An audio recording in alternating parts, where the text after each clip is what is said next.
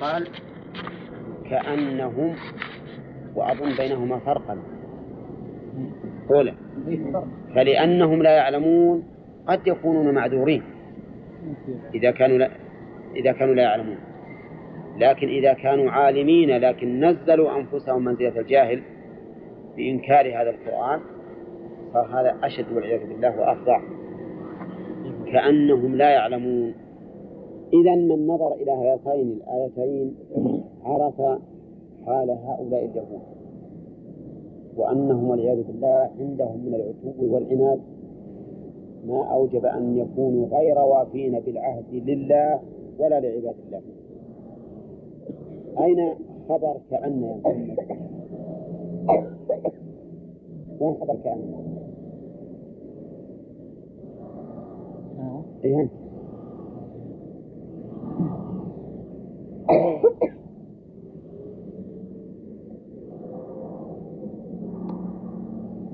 خبرها محدود وش التقدير؟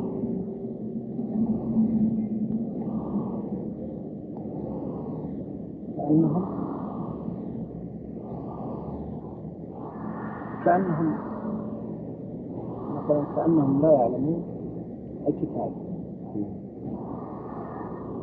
عندك ثلاث كلام يا عبد الله؟ جملة جملة لا يعلمون جملة لا يعلمون ماذا تقولون أنتم؟ أيهما أصبر؟ جملة لا يعلمون ها؟ جملة لا يعلمون إيه. إيه نعم جملة لا يعلمون كأنهم لا يعلمون لو حذفت كأن وقلت هم لا يعلمون وين الخبر يصير؟ جملة لا يعلمون فالخبر موجود. لكنه جملة. قال الله تعالى واتبعوا ما تتلو الشياطين. نعم. أوتوا الكتاب. وين نائب الفاعل؟ نبذ فريق من الذين أوتوا. إيه. نائب الفاعل؟ الواو. في أوتوا هي بالمفعول الأول. إيه وهي المفعول الأول. نائب الفاعل في معنى المفعول به. لو قلت مثلا ضرب زيد فزيد مضروب فهو بمعنى المفعول به. ولهذا نائب الفاعل في المعنى مفعول به. هنا. يعني في الأصل. في المعنى. في المعنى مفعول قبل أن به. تبنى جملة المبني المجهول هو المفعول. أي نعم. قبل أن لا قبل أن تبنى المجهول الم- المفعول به. أوتوا ها؟ تصريف ها؟ أوتوا إيه. تصريف تصريفه. يعني.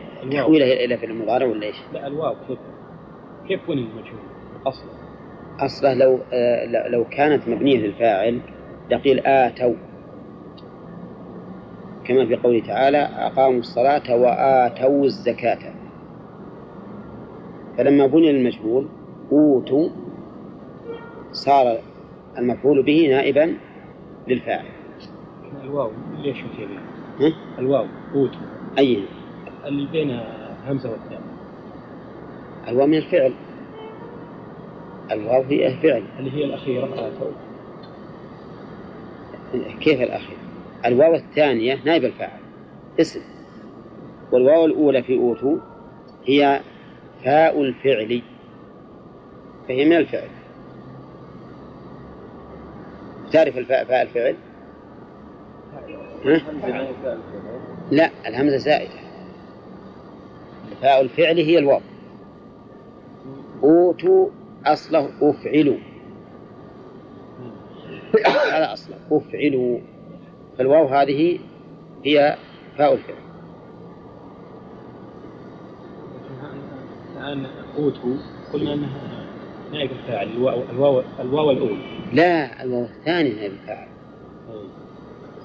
أنت الحين آه، كل هالسؤال عشان فاهم من الواو الأولى هي نائب الفعل. نائب الفاعل لا لا. الواو الثانية الواو الأولى من الفعل. هي فاء الفعل. قال الله تعالى واتبعوا ما تتلو الشياطين على ملك سليمان. اتبعوا أي اليهود ما تتلو الشياطين على ملك سليمان. تتلوه هنا ليست بمعنى تقرأه ولكنها من تلاه يتلوه بمعنى تبعه أي ما تتبعه الشياطين وتأخذ به على ملك سليمان أي في ملكه. وملك سليمان جمع بين الملك والنبوة فإن سليمان صلى الله عليه وسلم كان ملكا نبيا. وكل اللي ذكروا في القرآن من الأنبياء فهم أنبياء رسل. لقوله تعالى ولقد أرسلنا رسلا من قبلك منهم من قصصنا عليك. خذ هذه الفائدة لأن بعض الناس يقول الذين ذكروا في القرآن بعضهم ذكر أنه وكان رسولا نبيا وبعضهم ما ذكر أنه رسول. ولكن يقول كل من قص في القرآن فهو رسول لقوله منهم من قصصنا عليك. فكل الذي قصهم الله على محمد صلى الله عليه وسلم فهم رسل. ومنهم من لم نقصص عليك. واذكر في كتاب إدريس مثلا. واذكر في الكتاب إدريس إنه كان صديقا نبيا. ولا فيه قصة في القرآن إن الله يقول وقد وأرسلنا إدريس إلى قومه ها؟ إنما فيه اذكر إدريس.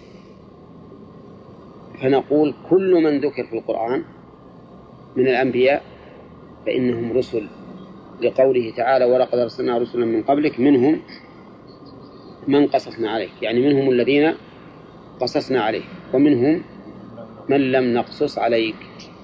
فهنا نقول سليمان صلى الله عليه وسلم هل هو نبي أو ملك أو رسول؟ ها؟ كل الثلاثة.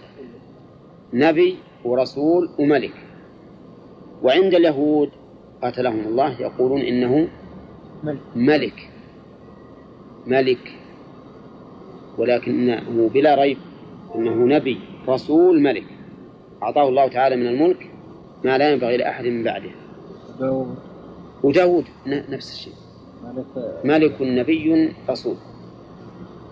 نعم يقول سليمان على ملك سليمان وهو أي سليمان من بني إسرائيل.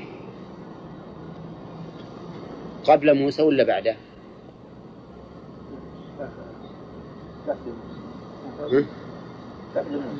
أو قبل؟ قبل. قبل. قبل موسى. وإن كان داود عقب موسى؟ يصير سليمان قبل موسى؟ إيه ها؟ إيه لأنهم يعني إن كان داود عقب موسى سليمان قبل موسى؟ لا لا لا. واحد أب للثاني سليمان هو الابن. سليمان ابن داود. ابن داود. إيه. ألم تر إلى الملأ من بني إسرائيل من بعد موسى إذ قالوا لنبي لهم بعث لنا ملكا نقاتل في سبيل الله؟ قال هل عسيتم إن كتب عليكم القتال ولا تقاتلوا؟ قالوا وما لنا ألا نقاتل في سبيل الله وقد أخرجنا من ديارنا وأبنائنا فلما كتب عليهم القتال تولوا إلا قليل منهم. وقال أنه نبيهم إلى أن قال وقاتل داود جالوت. وهنا إلى الملأ من بني إسرائيل من بعد موسى. على هذا يكون سليمان بعد موسى. يكون سليمان بعد موسى. وقوله على ملك سليمان وما كفر سليمان. واليهود يزعمون إن, إن سليمان يتعلم السحر وأنه ساحر. نعم. ويدعون هذا والسحر كفر. ولهذا قال الله تعالى وما كفر سليمان. يعني ليس بكافر أي ما كفر بسحره حيث زعم أنه, كان كذلك ولكن ولكن الشياطين كفروا. وفي قراءة سبعية ولكن الشياطين كفروا. ولكن الشياطين كفروا. فعلى قراءة ولكن الشياطين كفروا تكون الواو حرف عطف ولكن حرف استدراك يعمل عمل إن ينصب الاسم ويرفع الخبر والشياطين خبرها وجملة كفروا ما هو الشياطين اسمها؟ وجملة كفروا خبر. وعلى قراءة التخفيف يجب أن أن تكون الشياطين بالرفع. ولكن الشياطين كفروا. فنقول هو حرف عطف ولكن حرف استدراك. مبني على السكون وحرك بالكسر لالتقاء الساكنين. والشياطين مبتدأ وكفروا خبر المبتدأ. وقولها الشياطين جمع شيطان. وهو على الحقيقة الشياطين ليست واحدا ولكنهم متعددون كثيرون لأن له جنودا وذرية. كما قال الله تعالى إنه يراكم هو وقبيله من حيث لا ترونه. وقال أفتتخذونه وذريته أولياء من دونه. الشياطين كثيرون كفروا بماذا فسر هذا الكفر بقوله يعلمان الناس السحر؟ يعلمون. يعلمون الناس السحر. يعني الشياطين كفروا بهذا. فهم يعلمون الناس السحر. والسحر في اللغة كل شيء خفي ولطف. كل شيء خفي صار خفيا ولطيفا يسمى سحرا. نعم. فكل شيء خفي سببه ولطف يسمى سحرا. ومنه قول الرسول عليه الصلاة والسلام إن من البيان لسحرا. لأن البيان والفصاحة يجذب النفوس والأسماع. حتى إن الإنسان يجد من نفسه ما يشده إلى سماع هذا البيان. فيسحر الناس. الساعة الآن تعتبر سحر ولا لا؟ الآن لا. في المعنى اللغوي. في المعنى اللغوي يعتبر الكمبيوتر. ها؟ سحر. في بدايته يكون سحر. أي في, في المعنى أصله خفي على عامة الناس. خفي حتى أن الرأسي في في تفسيره لما قسم السحر وأنواعه قال إن الساعة من السحر. الساعة من السحر. لأنه يخفى سببه. شلون وش وش اللي خلى مثلا في الزمن الأول الساعة ما مثل هذا الآن؟ ترقت الآن أكثر. وتعقدت أكثر الآن. وش اللي خليه تنبض الآن عندنا في الساعات الآن اللي تشر من نبض. ولا وش يخلي هالمسمار هذا اللي يسمونها؟ إيش يسمونها اللي يمشي ذا؟ العقارب. وش اللي يخليها تمشي؟ ما نشوف شيء يحركها وش يخلي وش اللي يخليها إلى منه وسطت الساعة المعينة؟ صوتت. بعضهم بعد جابوا شيء يذن نعم. كل هذا مما خفي سببه فهو في اللغة العربية يعتبر من السحر. لكنه ليس هو السحر الذي ورد ذمه. لأن هذا مآله إلى العلم وهو أمر طبيعي صناعي. لكن السحر الذي يراد هو والعياذ بالله التأثير بسبب أدوية ورقى وتعوذات. تأثير بأسباب خفية من قراءات وتعاويذ وأدوية تصنع للإنسان حتى يصيبه السحر والعياذ بالله. وهو أنواع من السحر ما يقتل. يبدأ الإنسان المسحور والعياذ بالله ينقص شيئا فشيئا حتى يموت. ومنه ما يمرض ومنه ما يزيل العقل ويخبر الإنسان ومنه ما يغير حواس المرء. بحيث يسمع ما لم ما لم يكن أو يشاهد الساكن متحركا أو المتحرك ساكنا. ومنه ما يجلب المودة ومنه ما يوجب البغضاء المهم أنها أنواع والعياذ بالله. أنواع وأهله يعرفون هذه الأنواع. نعم. هذا السحر حكم محرم بلا شك. وهل هو كفر أو ليس بكفر؟ هذا فيه خلاف بين أهل العلم. فمنهم من يرى أنه كفر مخرج عن الملة وأن الساحر يستتاب فإن تاب وإلا قتل. بل بعض العلماء يرى أنه لا توبة له وأنه يقتل بكل حال. ولكن الصحيح أنه ما من ذنب إلا وله توبة. ومن العلماء من يرى أنه لا يكفر ولكن يقتل حدا يقتل حدا وجوبا. يعني يعدم ولكنه مسلم يصلى عليه. ومنهم من يرى أنه يعزر تعزيرا بليغا إن ارتدع وإلا قتل إذا لم يرتدع بدون القتل ولكن سيأتينا إن شاء الله في الفوائد أن القرآن يدل على أنه كفر. وقوله يعلمون الناس السحر إذا كان الكفر في تعليم السحر.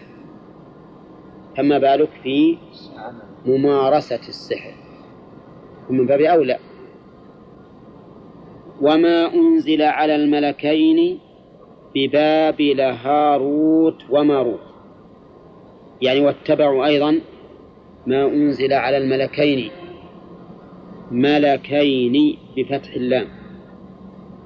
وليست بكسرها. والفرق بين الملك والملك أن الملك الرسول والملك الحاكم الذي له سلطة هذا الملك. وهنا هما ملكين أو ملكين. ملكين. ملكين. أرسلهم الله تبارك وتعالى إلى الأرض. أحدهما اسمه هاروت والثاني اسمه ماروت. واحد هاروت وواحد ماروت. ولهذا قال وقوله ببابل هذا اسم للمكان. أنزل الله في هذا المكان أي في بابل وهي بلد معروفة في أي مكان؟ العراق. في العراق. أرسلهم الله إلى هذا البلد وجعلوا يعلم جعلا يعلمان الناس السحر. اختبارا من الله وفتنة. لا يقال كيف أنهما ملكان فيعلمان السحر. يقول إن الله سبحانه وتعالى إذا أراد أن يبتلي قوما ابتلاهم بما شاء. فأراد الله أن يبتلي هؤلاء الناس بنزول هذين الملكين. يعلمان الناس السحر. تعال. تبي تعلم السحر؟ صنعة تحصل بها فلوس. نعم. تبدأ تخلي الناس المتحابين يتباغضون والمتباغضين يتحابون إذا صار لك عدو تقتله وهكذا. لكن مع ذلك ما يعلم ما يعلمان من أحد حتى يقولا إنما نحن فتنة فلا تكفر. سبحان الله العظيم. هذا من تمام النصر. من تمام النصر. ما يمكرون بالناس ويعلمونهم ويفتحون الباب لهم. لا. من جاء ليتعلم حذراه فلا فما يعلمان من أحد حتى يقولا إنما نحن فتنة. ولم نعلم السحر اختيارا ولا رغبة فيه ولكن اختبارا اختبارا من الله سبحانه وتعالى. وهذا لله أن يفعل ما شاء. لله أن يفعل ما شاء. والله تعالى قد ييسر أسباب المعصية ليختبر العبد. كما يسرت أسباب المعصية لبني إسرائيل في الصيد في الحيتان يوم السبت. وكما يسرت أسباب أسبابها للصحابة رضي الله عنهم وهم محرمون. وش فيه؟ صيد البر. في صيد البر. يا أيها الذين آمنوا لا يبلونكم الله بشيء من الصيد. تناله أيديكم ورماحكم ليعلم الله من يخافه بالغيب. فأنت إذا يسرت لك أسباب المعصية فلا تفتتن. فإن الله تعالى قد يبتليك ولهذا إذا عدلت عنها مع تيسر أسبابها كان في ذلك منقبة عظيمة لك. رجل دعته امرأة ذات منصب وجمال فقال إني أخاف الله الغفور منعته عفته أن يفعل. مع تيسرها له. نعم. هذا من الذين يظلهم الله في ظله يوم لا ظل إلا ظله. إذا هذان الملكان ما يعلمان من أحد حتى يقولا إنما نحن فتنة. واعلموا أن كثيرا من المفسرين في هذه الآية ذكروا قصص إسرائيلية. كلها كذب. كلها كذب. ذكروا أن امرأة حصل منها ما حصل ثم إنها صعدت إلى السماء وأنها هي النجمة المعروفة بالزهرة. نعم. أنها ركبت في السماء وصارت وصارت نجمة. وعلى كل حال كل هذا الذي ذكر هنا كلها إسرائيليات يجب إنكارها. ولا يجوز أن يفسر بها كلام الله تبارك وتعالى. قال فيتعلمون منهما يتعلمون من؟ اليهود. يعني قال واتبعوا ما الشياطين. ثم قال وما أنزل على الملكين؟ ثم قال فيتعلمون منهما ما يفرقون به بين المرء وزوجه. وهذا يقول العلماء من أشد أنواع السحر. إنه يفرق بين المرء وزوجه. وش زوجه؟ زوجته. زوجته نعم. لكنه قلنا مرارا إن اللغة الفصحى زوج للرجل والمرأة. وأن الفرضيين رحمهم الله هم الذين اصطلحوا على أن تكون زوجة للأنثى وزوج للرجل لئلا تلتبس المسائل بعضها ببعض. ما يفرقون به بين المرء وزوجه. ومن أقوى المودة والمحبة التي تكون بين البشر هي التي تكون بين المرء وزوجه. إذا صلحت الحال فإذا صلحت حال الزوجين فإنه لا يوجد أحد يماثلهما في المودة والمحبة. ومن المعلوم أن المحبة بين الزوجين ليست كالمحبة بين بين الأم وابنها. أولى فتلك محبة لها لون والأخرى لها لون آخر. لكن الالتئام والوفاق بين الزوجين إذا أصلح الله حالهما لا يكون له نظير حتى إن المرأة تفدي نفسها بزوجها وبالعكس وحتى إن المرأة لتدع أمها وأباها من أجل من أجل زوجها. فعلى هذا هؤلاء والعياذ بالله يتعلمون ما يفرقون به أي بسببه بين المرء وزوجه. طيب هنا يتعلمون ما يفرقون به. آه أين المفعول يتعلمون ما الاسم الموصول. نعم. وهذه من المعرفة ولا من اليقين.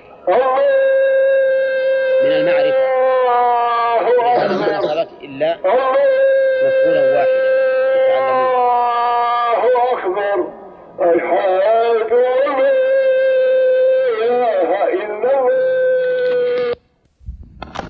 على قراءة لكن عاملة ولا مهملة؟ نعم عاملة وعلى قراءة لكن لماذا أهملت؟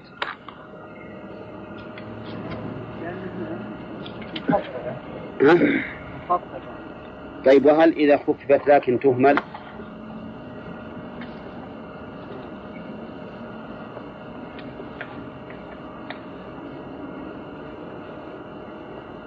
ها؟ طيب نعم يخفف لكن يبطل العدد. وش الدليل من قول ابن مالك؟ إلا. يبطل لا طيب من استحوذ؟ والحقت بإن؟ لا ما هي هذه. لكن وأن. ما هي بهذه؟ هذه في في اتصاله بالماء أول وخففت إن فقل العمل وتلزم اللام إذا ما تهمل وربما استغني عنها إن بدأ ما ناطق أراده معتمدا والفعل لم يكن أسحا فلا تلقي غالبا بإن ذي وإن تخفف أن فاسمها استكن والخبر. اجعل جملة من بعد أن وإن يكن فعلا ولم يكن دعاء ولم يكن فصل ممتنع فلا أحسن الفصل بقد أو نفن أو تنفيسنا ولو ذكر ذكر لو إيش بعده؟ منصوبها وثابتا أي ضروري ما ذكر ابن مالك. ها؟ لا تكون هي للاستدراك فقط حرف عطف. مهملة على أنها حرف عطف. وإذا سبقت بحرف العطف صارت للاستدراك فقط معنى كان هذه يشوش عليكم سكون.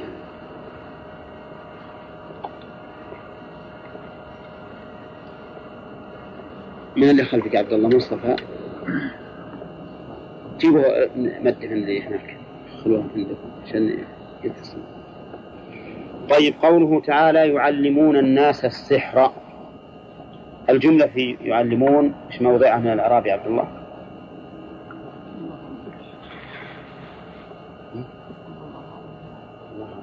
يعني نوع فيكم من النحو؟ طيب. نعم. حالية جملة حالية. من الفاعل في كفروا.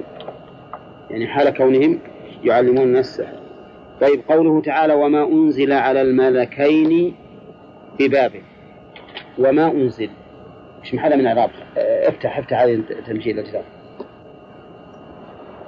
قوله وما أنزل مش محل من الإعراب معطوف على إيش؟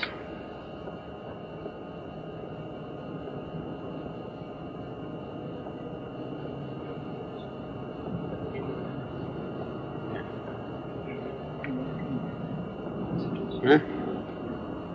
نعم ما تتلو واتبعوا ما تتلو واتبعوا أيضا ما أنزل على الملكين. الملكين يا إسماعيل تثنية ملك ولا ملك؟ ملك. طيب يعني في ملكان نزل إلى الأرض؟ طيب. زين. قوله ببابل هاروت وماروت. شو كمان؟ ببابل هاروت وماروت. إيش معنى؟ نزلوا ببابل؟ وش معنى ببابل هاروت وماروت؟ إضافة ببابل هاروت وماروت.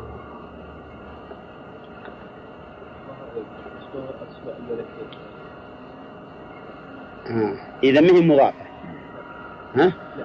يعني وما أنزل على الملكين ببابل هاروت وماروت بدل أو عطف بيان وليست ببابل مضافة وهاروت وماروت مضاف إليه ما يصلح هذا ما يستوعب الكلام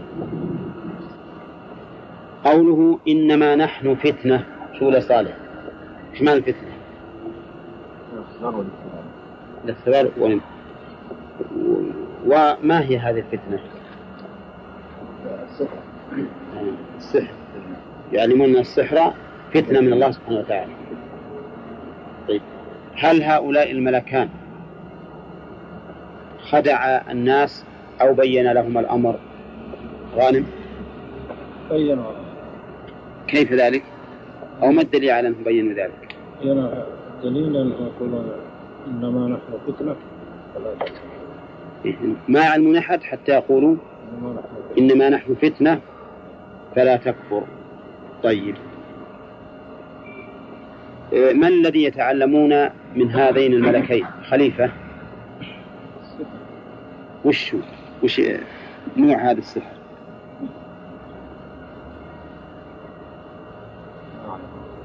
الله أعلم.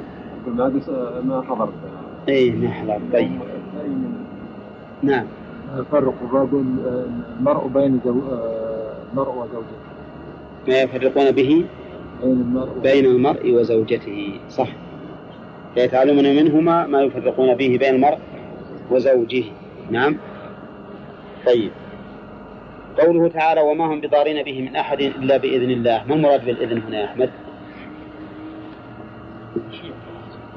الكوني ولا الشرعي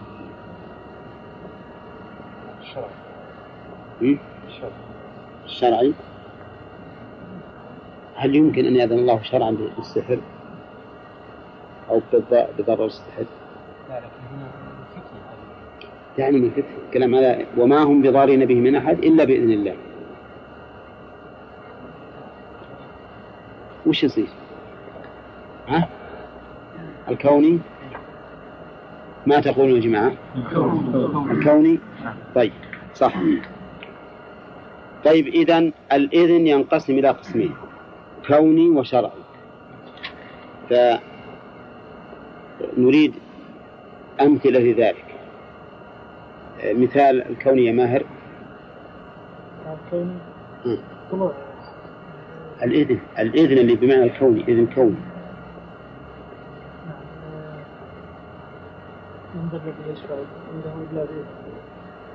نعم. إلا بإذنه. صح. وكذلك الآية اللي معنا أيضا يصح أن نمثل بها. الإذن الشرعي عبد الله. الإذن الشرعي قول المساجد أنه إذن ترفع ويذكر فيها في بيوت أذن الله. أذن الله أن ترفع ويذكر فيها اسمه هذا الإذن شرعي. الفرق بينهما الإذن الكوني والشرعي. يلا شيد.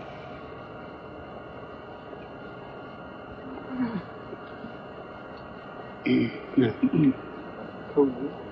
يلزم وقوع المأذون وقوع.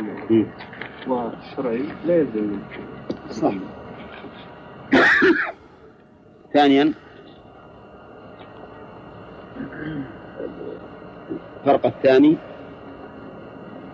عبد الله الشرع يكون على ما يحبه الله تعالى فيما يحبه الله والكون لا يلزم ذلك قد يكون فيما يحبه الله سبحانه قد يكون فيما لا يحبه.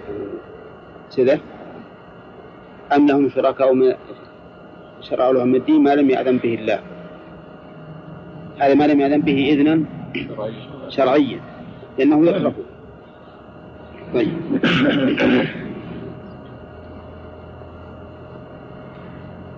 على هذا. على هذا؟ زين. نشوف أجل الفوائد اللي من فوائد الآيات من قوله واتبعوا أظن شلون؟ صحيح. لكن يخلونا نمشي من الغنيم هذا غلط. قوله تعالى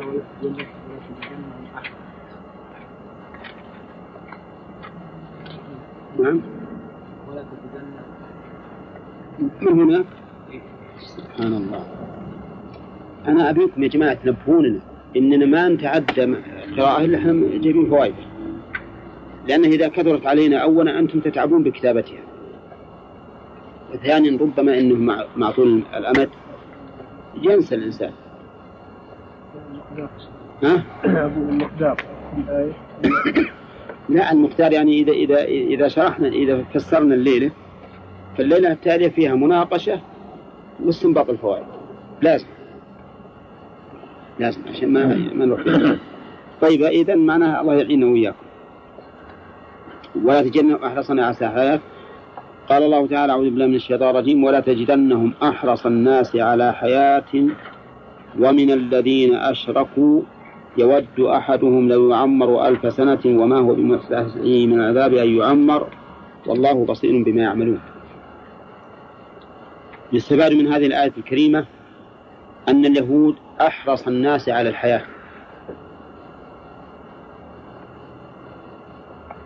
ومن فوائدها أيضا إبطال قولهم لن تمسنا النار إلا أياما معدودة ثم نخرج منها ونكون في الجنة. لأن من كان كذلك هل يكره الموت؟ ما دام هم- أولياء الله وأحباؤه نعم فإنهم لا يكرهون ذلك. فهذا يكذب دعواهم أنهم أول- أولياء أبناء الله يعني أولياءه وأحباؤه.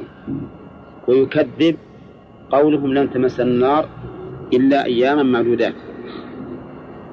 ومن فوائد الآية أن الناس يتفاوتون في الحرص على الحياة. بقوله أه؟ أحرص. لأن يعني هذه أحرص اسم تفضيل. والناس يختلفون. ولما جاء دخل أحد القواد المسلمين على أحد قواد المجوس وأظنه رسل قال له إن معي قوما يحبون الموت كما تحبون الحياة. لأن الصحابة رضي الله عنهم أزهد الناس في, في, في, في الدنيا.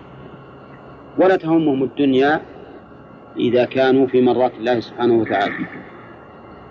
ومن فوائد الآية أن المشركين أيضا من أحرص الناس على الحياة وأنهم يكرهون الموت. حطيت بالكم يا جماعة. من ناخذه؟ ومن الذين أشركوا. مما يدل على أن الذين أشركوا في في القمة في كراهة الموت. ويستفاد من هذين الأمرين كون اليهود أحرص الناس على الحياة وأن المشركين أيضا حريصون على الحياة. يستفاد منه تشجيع المؤمنين على قتال أعداء الله من المشركين واليهود. لأن اللي يحب الحياة يكره أسباب الموت. لا والقتال من أسباب الموت. فهذا مما يقوي عزيمة المسلمين على قتالهم. ولكن ما رأيكم لو أننا قلنا إن المسلمين اليوم يكرهون الموت؟ ها؟ صحيح؟ ولهذا يعمرون للدنيا أكثر مما يعمرون للآخرة ويكرهون الجهاد في سبيل الله إلا من شاء الله. طيب ويستفاد من من هذه الآية الكريمة أن طول العمر لا يفيد المرء شيئا إذا في إذا كان في معصية الله. طول العمر لا يفيد المرء شيئا إذا كان في معصية الله. منين نأخذه؟ وما هو بمزحزحه من العذاب أن يعمر ويستفاد منه غور فهم السلف حين كرهوا أن يدعى للإنسان بالبقاء. فإن الإمام أحمد كره أن يقول للإنسان أطال الله بقاءك. السبب؟ لأن البقاء طول البقاء قد ينفع وقد يضر. ولا لا؟ إذا الطريق السليم أن تقول أطال الله بقاءك على طاعة الله. أطال الله بقاءك على طاعة الله. أطول الناس في أطول المخلوقات عمرا. ها؟ إبليس.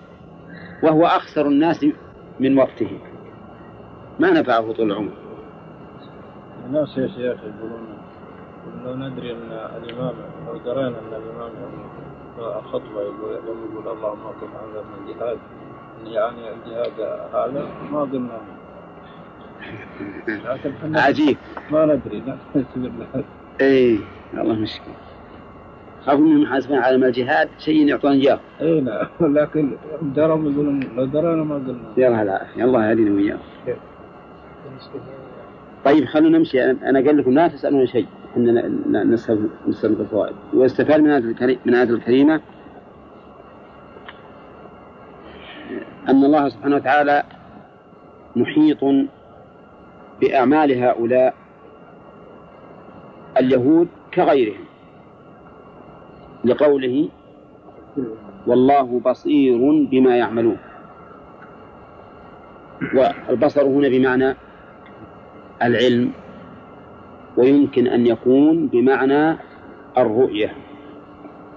قال النبي صلى الله عليه وسلم لو كشفه لأحرقت سبحات وجهه ما انتهى إليه بصره من خلقه فأثبت لله بصرا. فإذا البصير يحتمل أن يكون بمعنى العلم أو أن يكون بمعنى البصير أي الذي يرى ما يعملونه. والأول أين أعم؟ ها؟ الأول أعم العلم. قال الله تعالى قل من كان عدوا لجبريل فإنه نزله على قلبك بإذن الله مصدقا لما بين يديه وهدى وبشرى للمؤمنين. يستفاد من هذه الآية أن من الناس من يكون عدوا لملائكة الله. لقوله قل من كان عدوا. ووجه ذلك أن مثل هذا هذا الكلام لو لم يكن له أصل لكان لكان لغوا من القول. لولا لولا أن هذا موجود لكان التعبير بمثل ذلك لغوا من القول. والقرآن منزه عن اللغو. ويستفاد من الآية الكريمة أيضا فضيلة جبريل عليه الصلاة والسلام. فإن الله فإن الله تعالى دافع عنه. ويستفاد منه ذكر الوصف الذي ينبغي للإنسان أن يكون وليا لجبريل. من أين يؤخذ؟ فإنه نزله على قلبك يعني ومن كان هذا وظيفته فإنه يتخذ عدوا؟ وليا. يتخذ وليا. وهذا الذي سلكناه الآن أحسن مما ذكرنا لكم أن صاحب الجلالين سلكه حيث قدر جواب الشرط.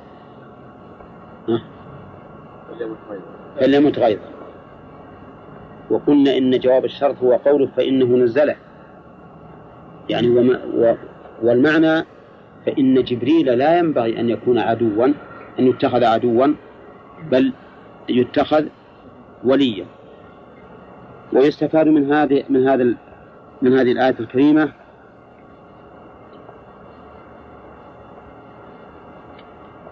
علو الله. ذات علو الله. ها؟ نزله لأن النزول ما يكون إلا من أعلى. والقرآن بلا شك كلام الله. نزل به الروح الأمين. على قلبك لتكون من المنذرين. ويستفاد من هذا أيضا أن النبي عليه الصلاة والسلام قد وعى القرآن وعيا كاملا لا يتطرق إليه الشك. لقوله نزله على قلبك لأن ما نفذ إلى القلب حل في القلب. طيب الكلام قد ينزل على الأذن. وين يصل؟ ها؟ يمكن ما يتعدى الأذن. لا يتعدى الأذن. لكن إذا نزل على القلب معناه نفذ من الأذن إلى القلب وحل فيه. وإذا حل في القلب فهو في حرز مكين. ويستفاد من هذه الآية أن هذا القرآن إنما نزل بأمر الله. أولى لقوله نزله على قلبك بإذن الله.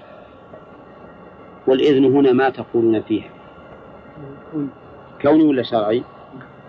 ها؟ نعم. إذا كانت الباء للسببية فهو كون. وإن كانت الباء للمصاحبة نزله على قلبك بشرع الله. فإنه يكون شرعيا. ولا مانع من حمل الآية عليهما جميعا لأنها تحتملهما وتصح. ويستفاد من من الآية الكريمة الثناء على القرآن. من وجوه ثلاثة. أنه مصدق لما بين يديه وأنه هدى وأنه بشرى للمؤمنين. كذا؟ طيب. يستفاد منه أيضا من هذا من هذه الآية أن القرآن قد أخبرت به الكتب السابقة. كيف؟ لأن معنى مصدقا لما بين يديه على وجهين. الوجه الأول أنه شهد لها بالصدق. شهد لها بالصدق وأنه حق. فإن القرآن يأمر بتصديق التوراة والإنجيل والكتب السابقة. والوجه الثاني أنه نزل مصداقا لما أخبرت به. فإنها أخبرت به فصدقه نعم. طيب. ويستفاد من هذه الآية أيضا أن القرآن هدى لجميع الخلق. ها؟ نشوف الآن نتناقش إحنا ويكون فيه. هل للمؤمنين متعلقة ببشرى فقط أو بهدى وبشرى؟ حتى تصل إليه وتصر به. إذا أنت مؤمن أبشر بأن الم... بأن القرآن بشرى لك. بشرى لك. فإذا قيل ما هي العلامة أن يكون بشرى لك؟ نقول العلامة أن تنتفع به. فكلما وجدت نفسك منتفعا به حريصا عليه تاليا له حق تلاوته فهذه علامة البشرى. وكلما رأى الإنسان من نفسه كراهة القرآن مثلا أو كراهة العمل به أو التثاقل في في تطبيقه فليعلم أنه إما فاقد الإيمان وإما ناقص الإيمان. ثم قال تعالى من كان عدوا لجبريل من كان عدوا لله وملائكته ورسله وجبريل وميكال فإن الله عدو للكافرين. يستفاد من هذه الآية الكريمة أن من عاد الله فهو كافر. كذا لأن من كان عدو لله فإن الله عدو للكافرين. ما قال عدو له؟ عدو للكافرين. فأظهر في موضع الإضمار. ليسجل حكم الكفر على من اتصف بهذه الصفة وهي عداوة الله. طيب ولأجل العموم يعم من كفر بهذا وبغيره فإن كل عدو كل كافر فهو عدو لله. ويستفاد من هذه الآية أيضا أن كل كافر فهو عدو لله أو فالله عدو له. كل كافر فالله عدو له لقوله فإن الله عدو للكافرين. ويستفاد من آية من آية الكريمة أن من كان عدوا للملائكة أو للرسل فإنه عدو لله. أولى لأن الملائكة رسل الله جعل الملائكة رسلا والرسل البشريون أيضا رسل لله سبحانه وتعالى. فمن عاد ملائكة الله من جبريل أو غيره أو عاد الرسل من محمد صلى الله عليه وسلم أو غيره فقد عاد الله. طيب هل يستفاد منه أن من عاد المؤمنين فقد عاد الله؟ ها؟ من الآية هي من الآية. الكلام من الآية هل يستفاد أن من عاد المؤمنين فهو عدو لله. نقول أو نقول من عاد المؤمنين فالآية ساكتة عنه. لكن الله قال في الحديث القدسي من عادى لي وليا فقد آذنته بالحرب. فقد آذنته بالحرب. والإيذان بالحرب لا لا يلزم منه العداوة. أو يلزم منه العداوة. طيب إذا من راب فهو عدو لله. إن الله يقول فإن لم تفعلوا فآذنوا بحرب من الله ورسوله. وهذه مشكلة في الواقع. فالأولى أن نقول من عاد الرسل فهو عدو فالله عدو له. ومن عاد غيرهم فقد آذن الحرب على الله. اللهم إلا أن يقال بالمعنى العام إن عداوة الرسل لعداوة ما جاءوا به فمن عاد ما جاءت به الرسل فإن الله عدو له. ومعنى يعني عاد المؤمنين لأنهم تمسكوا بما جاءت به الرسل. فيكون معاداتهم لهم بناء على هذا وفي الحقيقة معاداة للرسل. كما قال أهل العلم في قوله تعالى إن شانئك هو الأبتر أي مبغضك ومبغض ما جئت به. من السنة هو الأبتر على كل حال هذا بالنسبة للمؤمنين محل توقف في دلالة الآية عليه. اللهم إلا إذا عاد المؤمنين لكونهم تمسكوا بشريعة الرسل فهذا قد يظهر أن الله تعالى يكون عدو له عدوا له نعم. ما تكون العداوة هنا للشريعة. للشريعة أي ها؟ ها؟ كون المسلمين تعلقوا بالشريعة بغضب إي نعم هذا هي. فيكون بغضه لهم بناء على شريعة الشريعة التي تمسكوا بها. ولو كانوا غير غير متمسكين بها ما ما ما عاداهم. يمكن يواليهم. طيب. إذا ما في سؤال. ما في ما في سؤال. أبدا. ها؟ اللي المؤمنين. هو معادي للرسول نعم. ومن عاد الرسول فهو عاد كيف ذلك؟ مشكلة لأن الله قال ورسله. على كل حال محل توقف. محل توقف إلا إذا عادهم من أجل تمسكهم بشريعة الرسول فإن الأظهر أن الله عدو له. اصبر ما كملنا. ومنها أيضا من فوائد الآية فضيلة جبريل وميكائيل وجه ذلك تخصيصهما بعد التعميم لأن قوله وملائكة يعم جميع الملائكة لكن التنصيص على جبريل وميكائيل فإن يدل على فضيلتهما فهمتم؟ طيب إذا قيل ألا يقول قائل إن ذكرهما بالتخصيص ليس لمزيتهما ولكن لأن الكلام في شأنهما.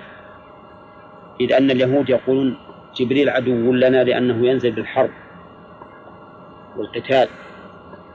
وميكائيل ولي لنا لأنه ينزل موكل بالقطر والنبات. فيكون ذكرهما بناء على أن القضية فيهما. نقول في جواب ذلك ميكائيل ما عاداه هؤلاء اليهود الذين كانت القضية فيه. ولا لا هب أن جبريل كذلك نص عليه ليبين مزيته من هذا الوجه لكن ميكائيل ليس هكذا فالظاهر أن أن لهما مزية على غيرهما.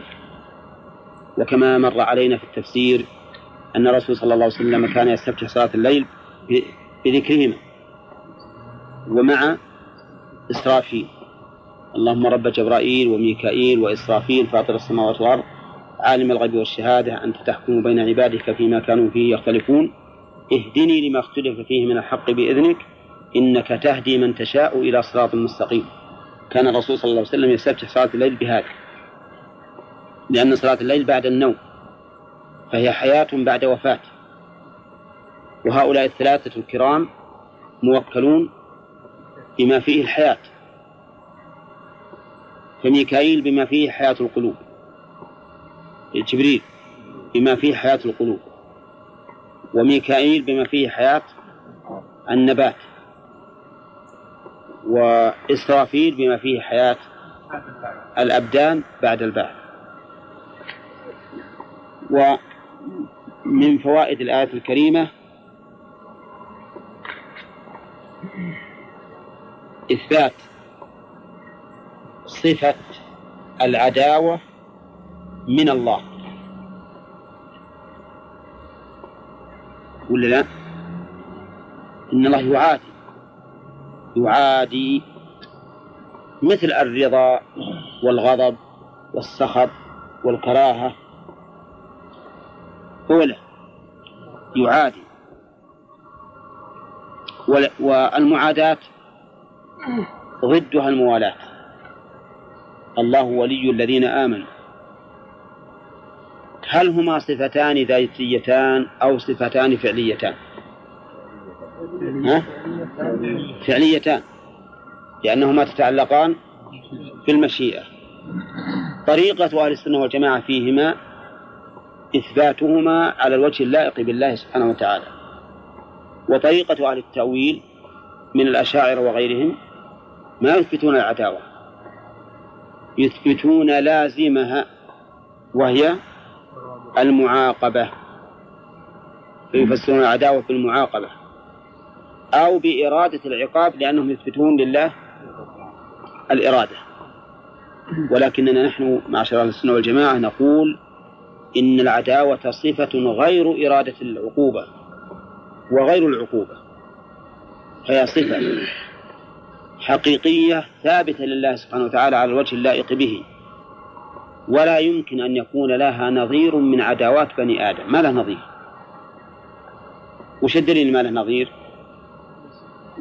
قوله تعالى ليس كمثله شيء وهو السميع البصير. وهكذا بقية الصفات. والذين أنكروا مثل هذه الصفات إنما إنما أوتوا حيث ظنوا أن إثباتها يستلزم التشبيه والمماثلة.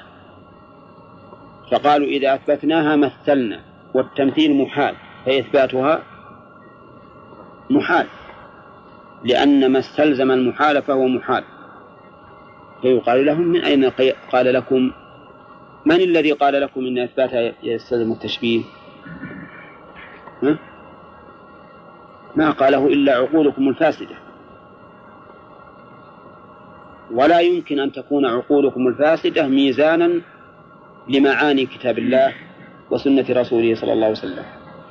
ولهذا قال الإمام, مالك كلمة قال ليت شعري بأي شيء يوزن الكتاب والسنة إذا كان كلما جاءنا رجل أجدل من رجل أخذنا به بقوله وتركنا قول الثاني.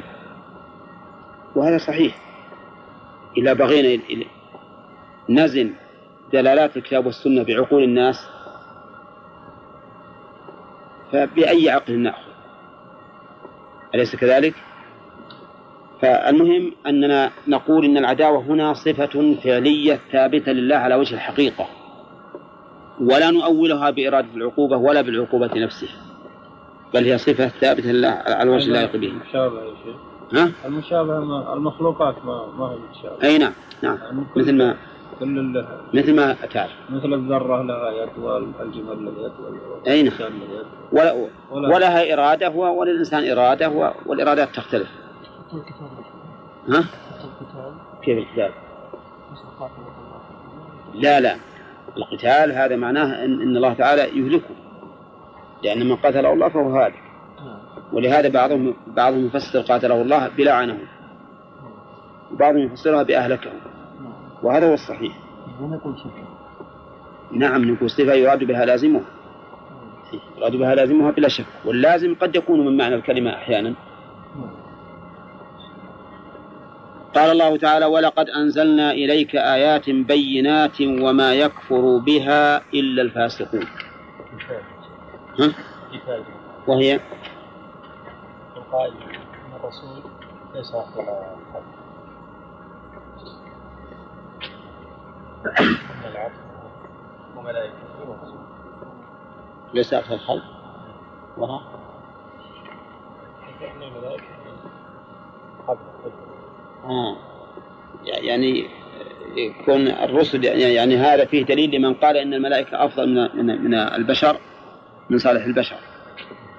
نعم. ما رأيكم في هذا؟ صحيح يعني هذه فائدة قد يحتج بها من يرى إن الملائكة أفضل من البشر. وتعلمون إن المسألة فيها خلاف بين أهل العلم. وذكرناه لكم ونحن نتكلم على؟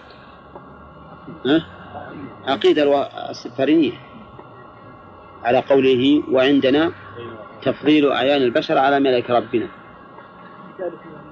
فهل نقول إن الآية تشهد لهذا القول لأن التقديم في مقام الثناء يدل على التفضيل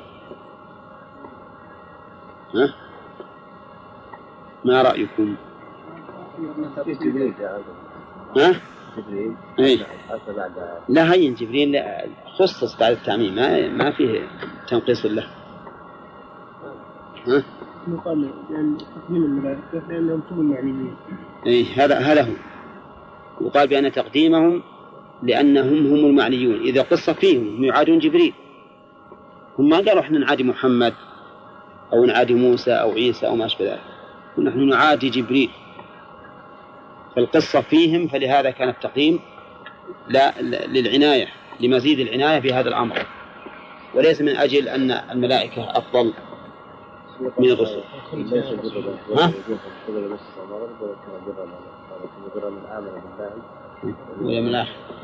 والملائكة. إي نعم. هذا معلوم لأ- لأن مقام الإيمان يبدأ بما بما هو أهم. فالملائكة ما هم أمامنا فقدموا لأجل أن نعتني بهم أكثر. الرسل نشاهدهم. فإنكار إنكار الم- الملائكة أقرب إلى إلى إلى يعني أقرب من إنكار الرسل. قال ولقد أنزلنا إليك آيات بينات وما يكفر بها إلا الفاسقون. يستفاد من هذه الآية الكريمة أن القرآن وحي من الله.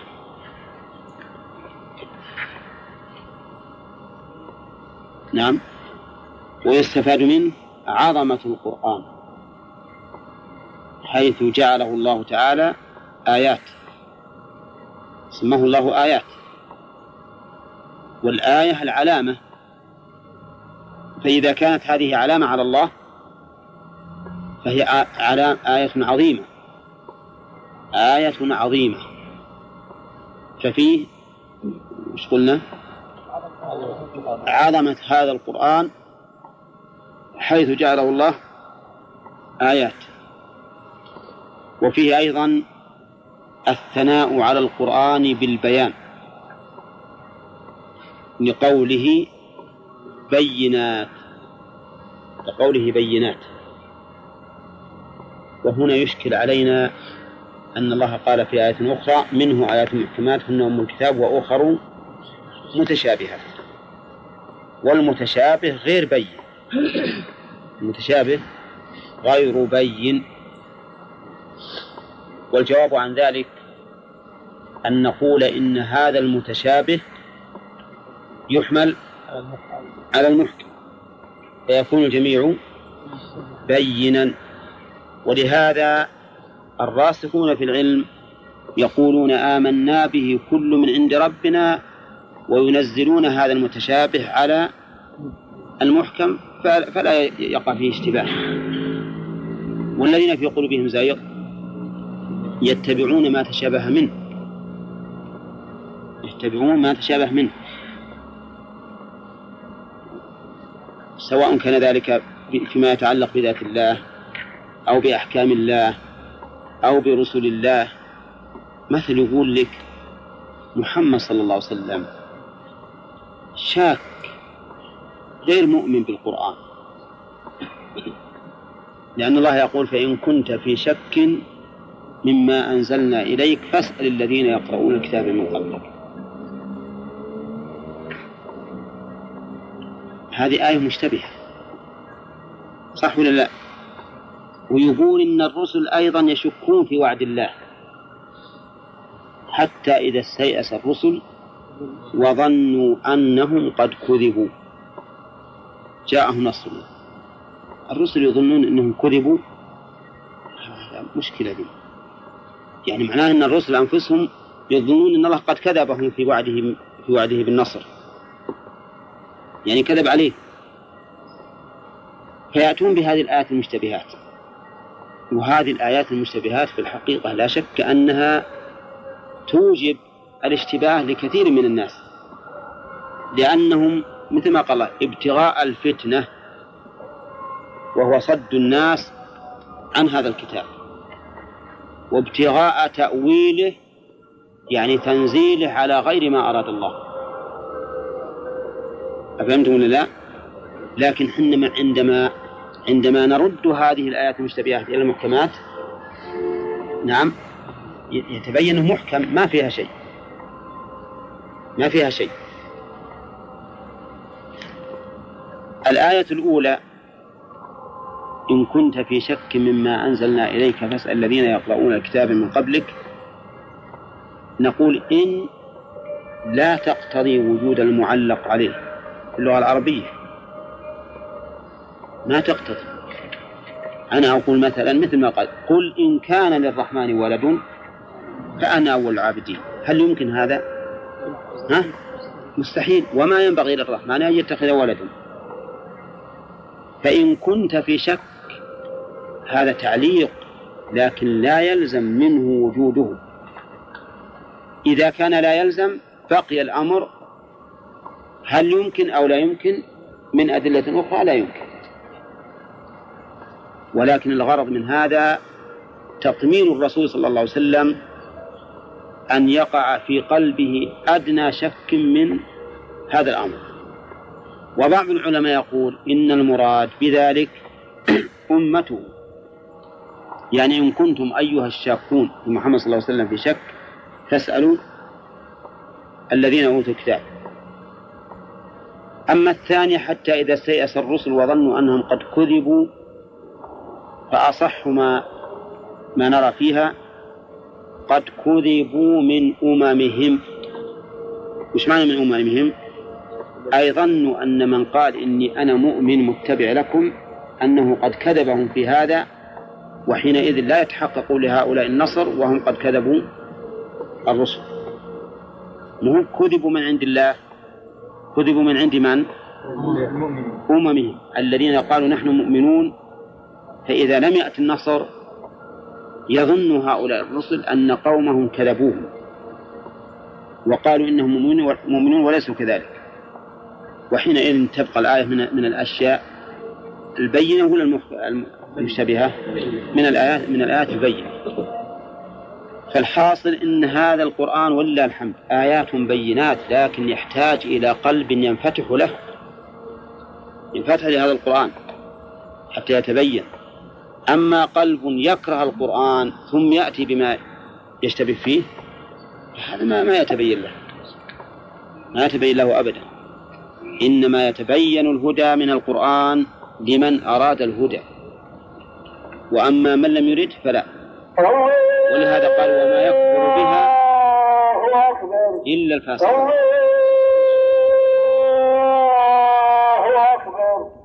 آيات بينات. وما يكفر بها إلا الفاسقون. أخذنا فوائد هذه. وأن القرآن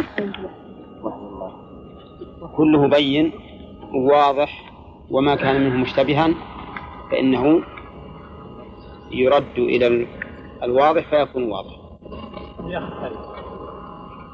هل يأخذ فائدة؟ نعم. ومن فوائد الآية الكريمة أن من أنه لا يكفر بهذه الآيات إلا الفاسق. أنه لا يكفر بالقرآن إلا الفاسق. ومنها أيضا أن من كفر به فهو فاسق. ومنها من فوائد الآية أيضا إطلاق الفاسق على الكافر. ويتفرع على هذا أن يكون الفسق ينقسم إلى قسمين. فسق معصية وفسق كفر. فسق معصية وفسق كفر مخرج منه. ثم قال تعالى أو كلما عاهدوا عهدا نبذه فريق منهم بل أكثرهم لا يؤمنون. من فوائد هذه الآية الكريمة أن هؤلاء أن بني إسرائيل أو اليهود اليهود خاصة لأن السياق فيه أن اليهود لا يوثق منهم بوعد بعهد لا يوثق منهم بعهد. لأنه كلما نب- عاهدوا عهدا نبذه فريق منهم من فوائدها أيضا أن نبذ فريق من الأمة يعتبر نبذا للأمة من الأمة كلها. يعتبر نبذا من الأمة كلها ما لم يتبرأوا منه. فإن تبرأوا منه فإنه لا يلحقهم عاره لكن إذا سكتوا فإن نبذ الفريق نبذ من الأمة كلها. ويستفاد من هذه الآية الكريمة من قوله بل أكثرهم لا يؤمنون أن من اليهود وهم الأقل من يكون مؤمنا. وهذا هو الواقع. فإن منهم من آمن بعيسى ثم آمن بمحمد صلى الله عليه وسلم. نعم. موسى هم من أصل اتباع موسى. لكن فيهم من من دخل في دين النصارى الحواريون دخلوا في دين النصارى وهم من بني إسرائيل. ولما جاءهم رسول من عند الله مصدق لما مع لما معهم نبذ فريق من الذين أوتوا الكتاب كتاب الله وراء ظهورهم كأنهم لا يعلمون. من فوائد هذه الآية أن رسالة النبي صلى الله عليه وسلم حق. بقوله من عند الله. بقوله من عند الله ومن فوائدها أن النبي صلى الله عليه وسلم كان قد أخبرت به الرسل من قبل أو الكتب. لقوله مصدق لما معه. ومن فوائدها أن رسالة النبي صلى الله عليه وسلم تقر تقرر ما سبق من رسالات الرسل لأن كلمة مصدق لما معهم تتضمن كما شرحنا كما فسرناها ها؟ معنى إيه؟ نعم تقول حمد ها؟ شو ينطبق مع التوراة يعني بما معها إيه من من التوراة والإنجيل كلهم. ومنها أنه مع هذا البيان والوضوح لصدق رسالة محمد عليه الصلاة والسلام فإن فريقا من الذين أوتوا الكتاب نبذوا هذا الكتاب الذي جاء به. نبذ فريق من الذين أوتوا الكتاب. ومنها أن نبذ من عنده كتاب وعلم أقبح ممن ليس كذلك. ولهذا نص على قول فريق من الذين أوتوا الكتاب ولم يقل فريق منهم كما قال في الآية الأولى لأجل إظهار شدة القبح من هؤلاء في نبذهم لأن النبذ مع مع العلم أقبح من النبذ؟ ها؟ مع الجهل. نبذ فريق من الكتاب. ومن فوائد الآية أن القرآن كلام الله لأن الله أضافه إليه في قوله كتاب الله. ومنها أيضا التسجيل على هؤلاء بالقبح مرة أخرى في قوله كأنهم لا يعلمون. وهم في الواقع يعلمون لكن فعلهم كان فعل كأنه فعل من لم يعلم. وكفر من علم أشد من كفر من لم يعلم. طيب ثم قال واتبعوا ما تتلو الشياطين. وراء ظهورهم ها؟ وراء ظهورهم ما فيها فائدة. وش الفائدة؟ إن ترك العمل بالقرآن نبذ لا فيها يعني فيها غير الفائدة. فيها أن أن هذا النبذ الذي كان منهم نبذ لا يرجى بعده قبول. يستفاد من قولهم وراء ظهورهم أن نبذهم هذا لا يرجى بعده قبول. لأن النبذ لو كان أمامهم ربما يتلقونه بعد. كذلك لو كان على اليمين والشمال لكن إذا كان وراء الظهر فمعناه استبعاد القبول منهم مرة أخرى. هذه هي الفائدة في قوله آه، نبذ فريق من الكتاب كتاب الله وراء ظهورهم. هنا و وربما أيضا يستفاد منه قبح هذا النبذ. من هذه الكيفية نبذ وراء الظهر. ها؟ يعني ما ألقوه إلقاء رفيقا بل نبذا وهو طرح. ومن وراء الظهر لأنه أعظم استكبارا. أعظم استكبارا فيؤخذ منها إذن فائدتان أولا أنه نبذ لا يرجى بعده إقبال.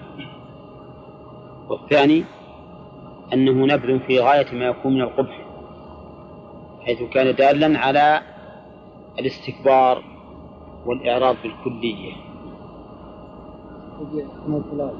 ها؟ ها؟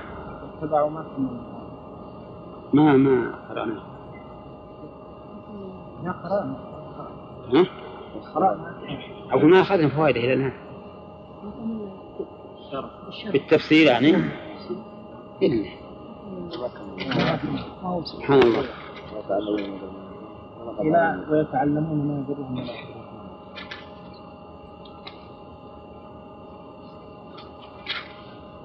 طيب يستفاد أيضا من الآية من كلمة نبذ شدة كراهيتهم لكتاب الله. لأن النبذ معناها الطرح بقوة. فهذا دليل على شدة كراهيتهم لكتاب الله سبحانه وتعالى. فكم فائدة الآن أخذ من الآية؟ عشر فوائد. الحمد لله. ثم قال تعالى واتبعوا ما تتلو الشياطين. نأخذها ولا ما نأخذها؟ ها؟ طيب. قال الله سبحانه وتعالى ويتعلمون ما يضرهم ولا ينفعهم. ها؟ طيب وما هم بضارين به من أحد إلا بإذن الله. وما هم بضارين. هذه ما إعرابها أنها نافية تعمل عمل ليس. وبالاختصار تقول ما حجازية. أنت إذا قلت ما حجازية معناها أنها تعمل عمل ليس. واسمها الضمير. هم. وخبرها بضارين. لكن الباء هنا حرف جر زائد إعرابا.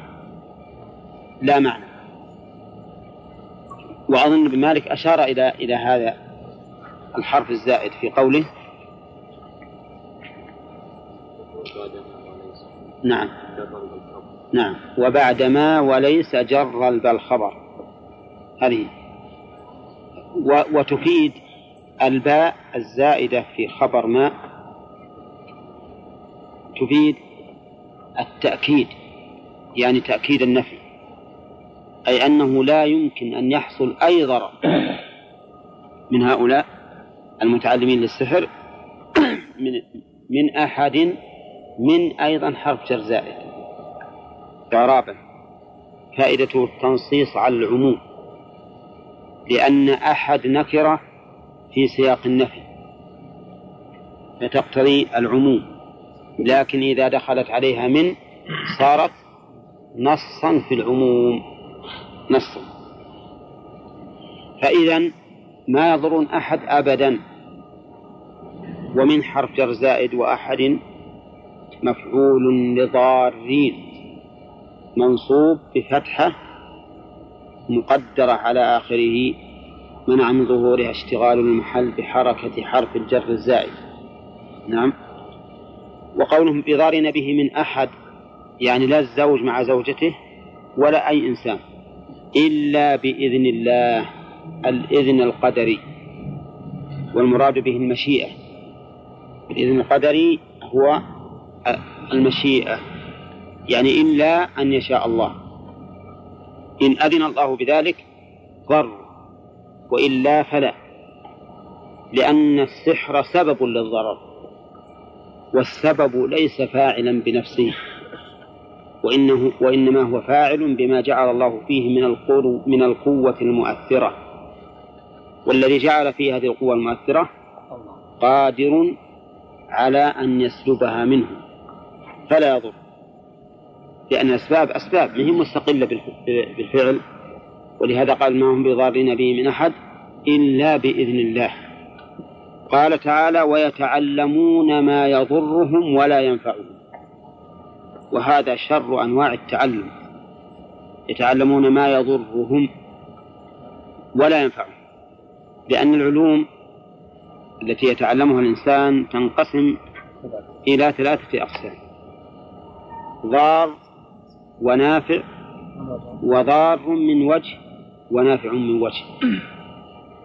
ضار ونافع و... على سبيل الإطلاق. وضار من وجه ونافع من وجه. ويمكن نأتي بقسم الرابع أنه لا ضار ولا نافع وهذا في الحقيقة ضار. لأن لأن فيه من الضرر إضاعة الوقت. والاشتغال عما هو أهم. المهم أن أن الله يقول هنا ما يضرهم ولا ينفعهم.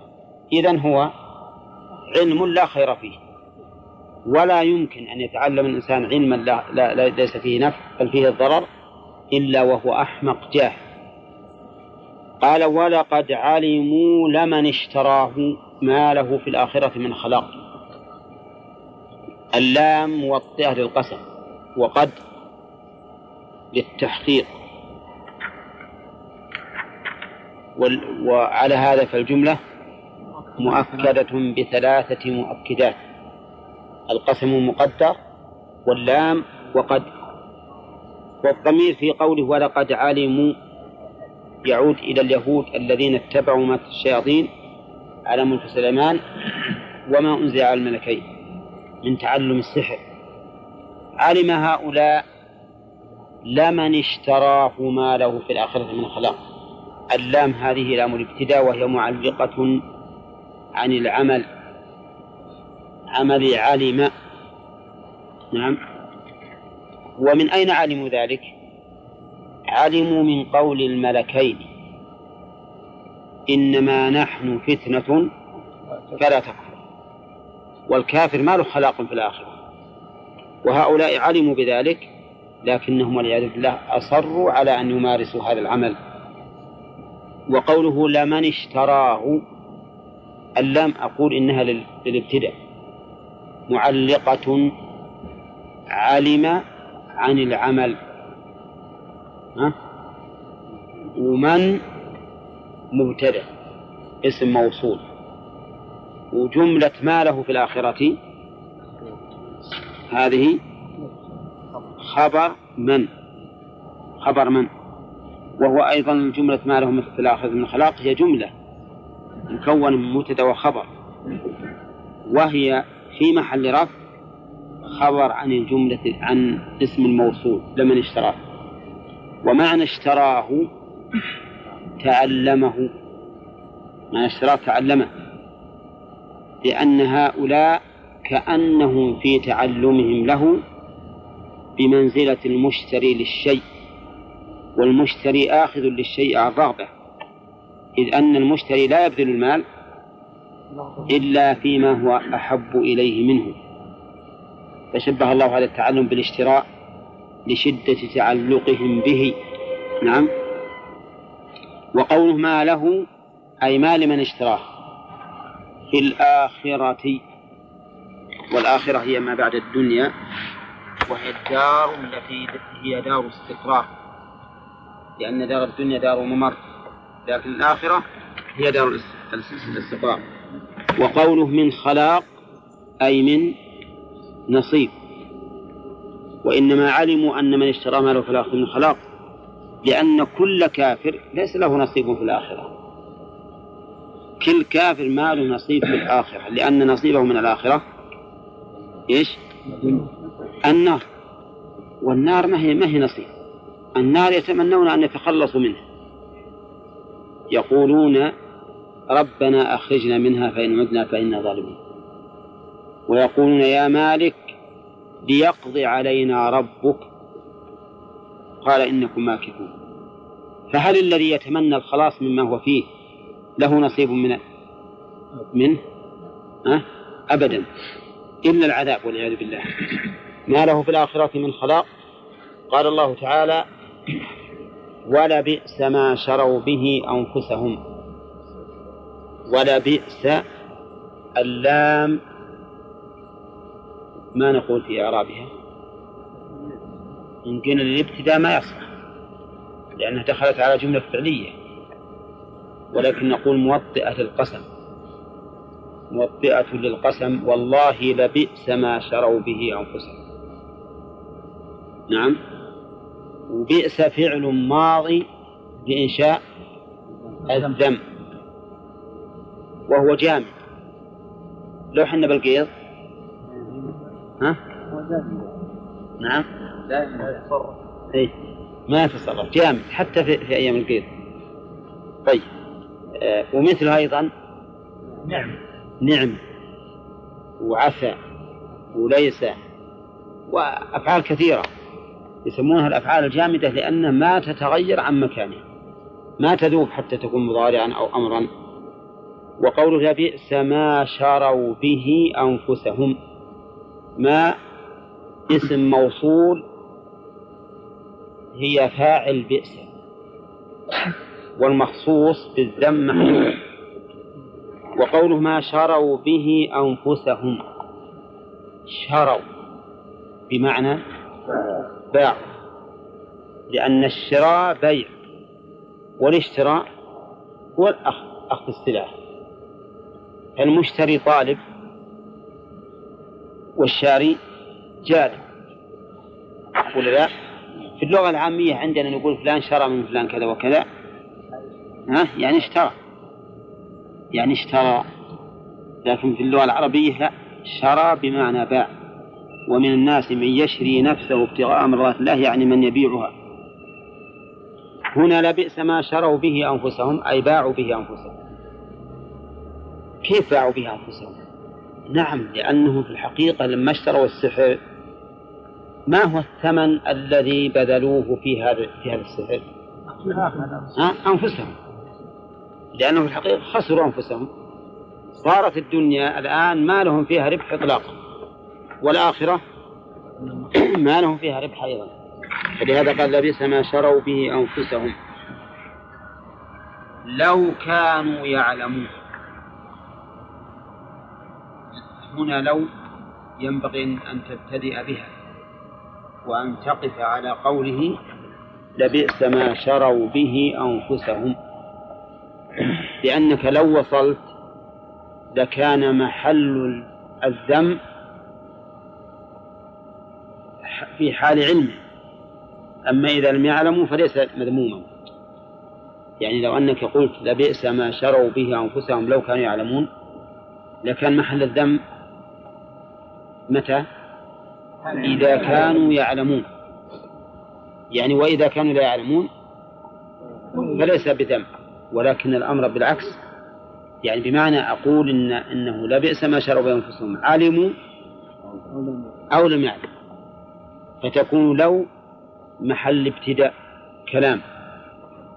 فالأحسن الوقف على قوله ولبئس ما شروا به أنفسهم.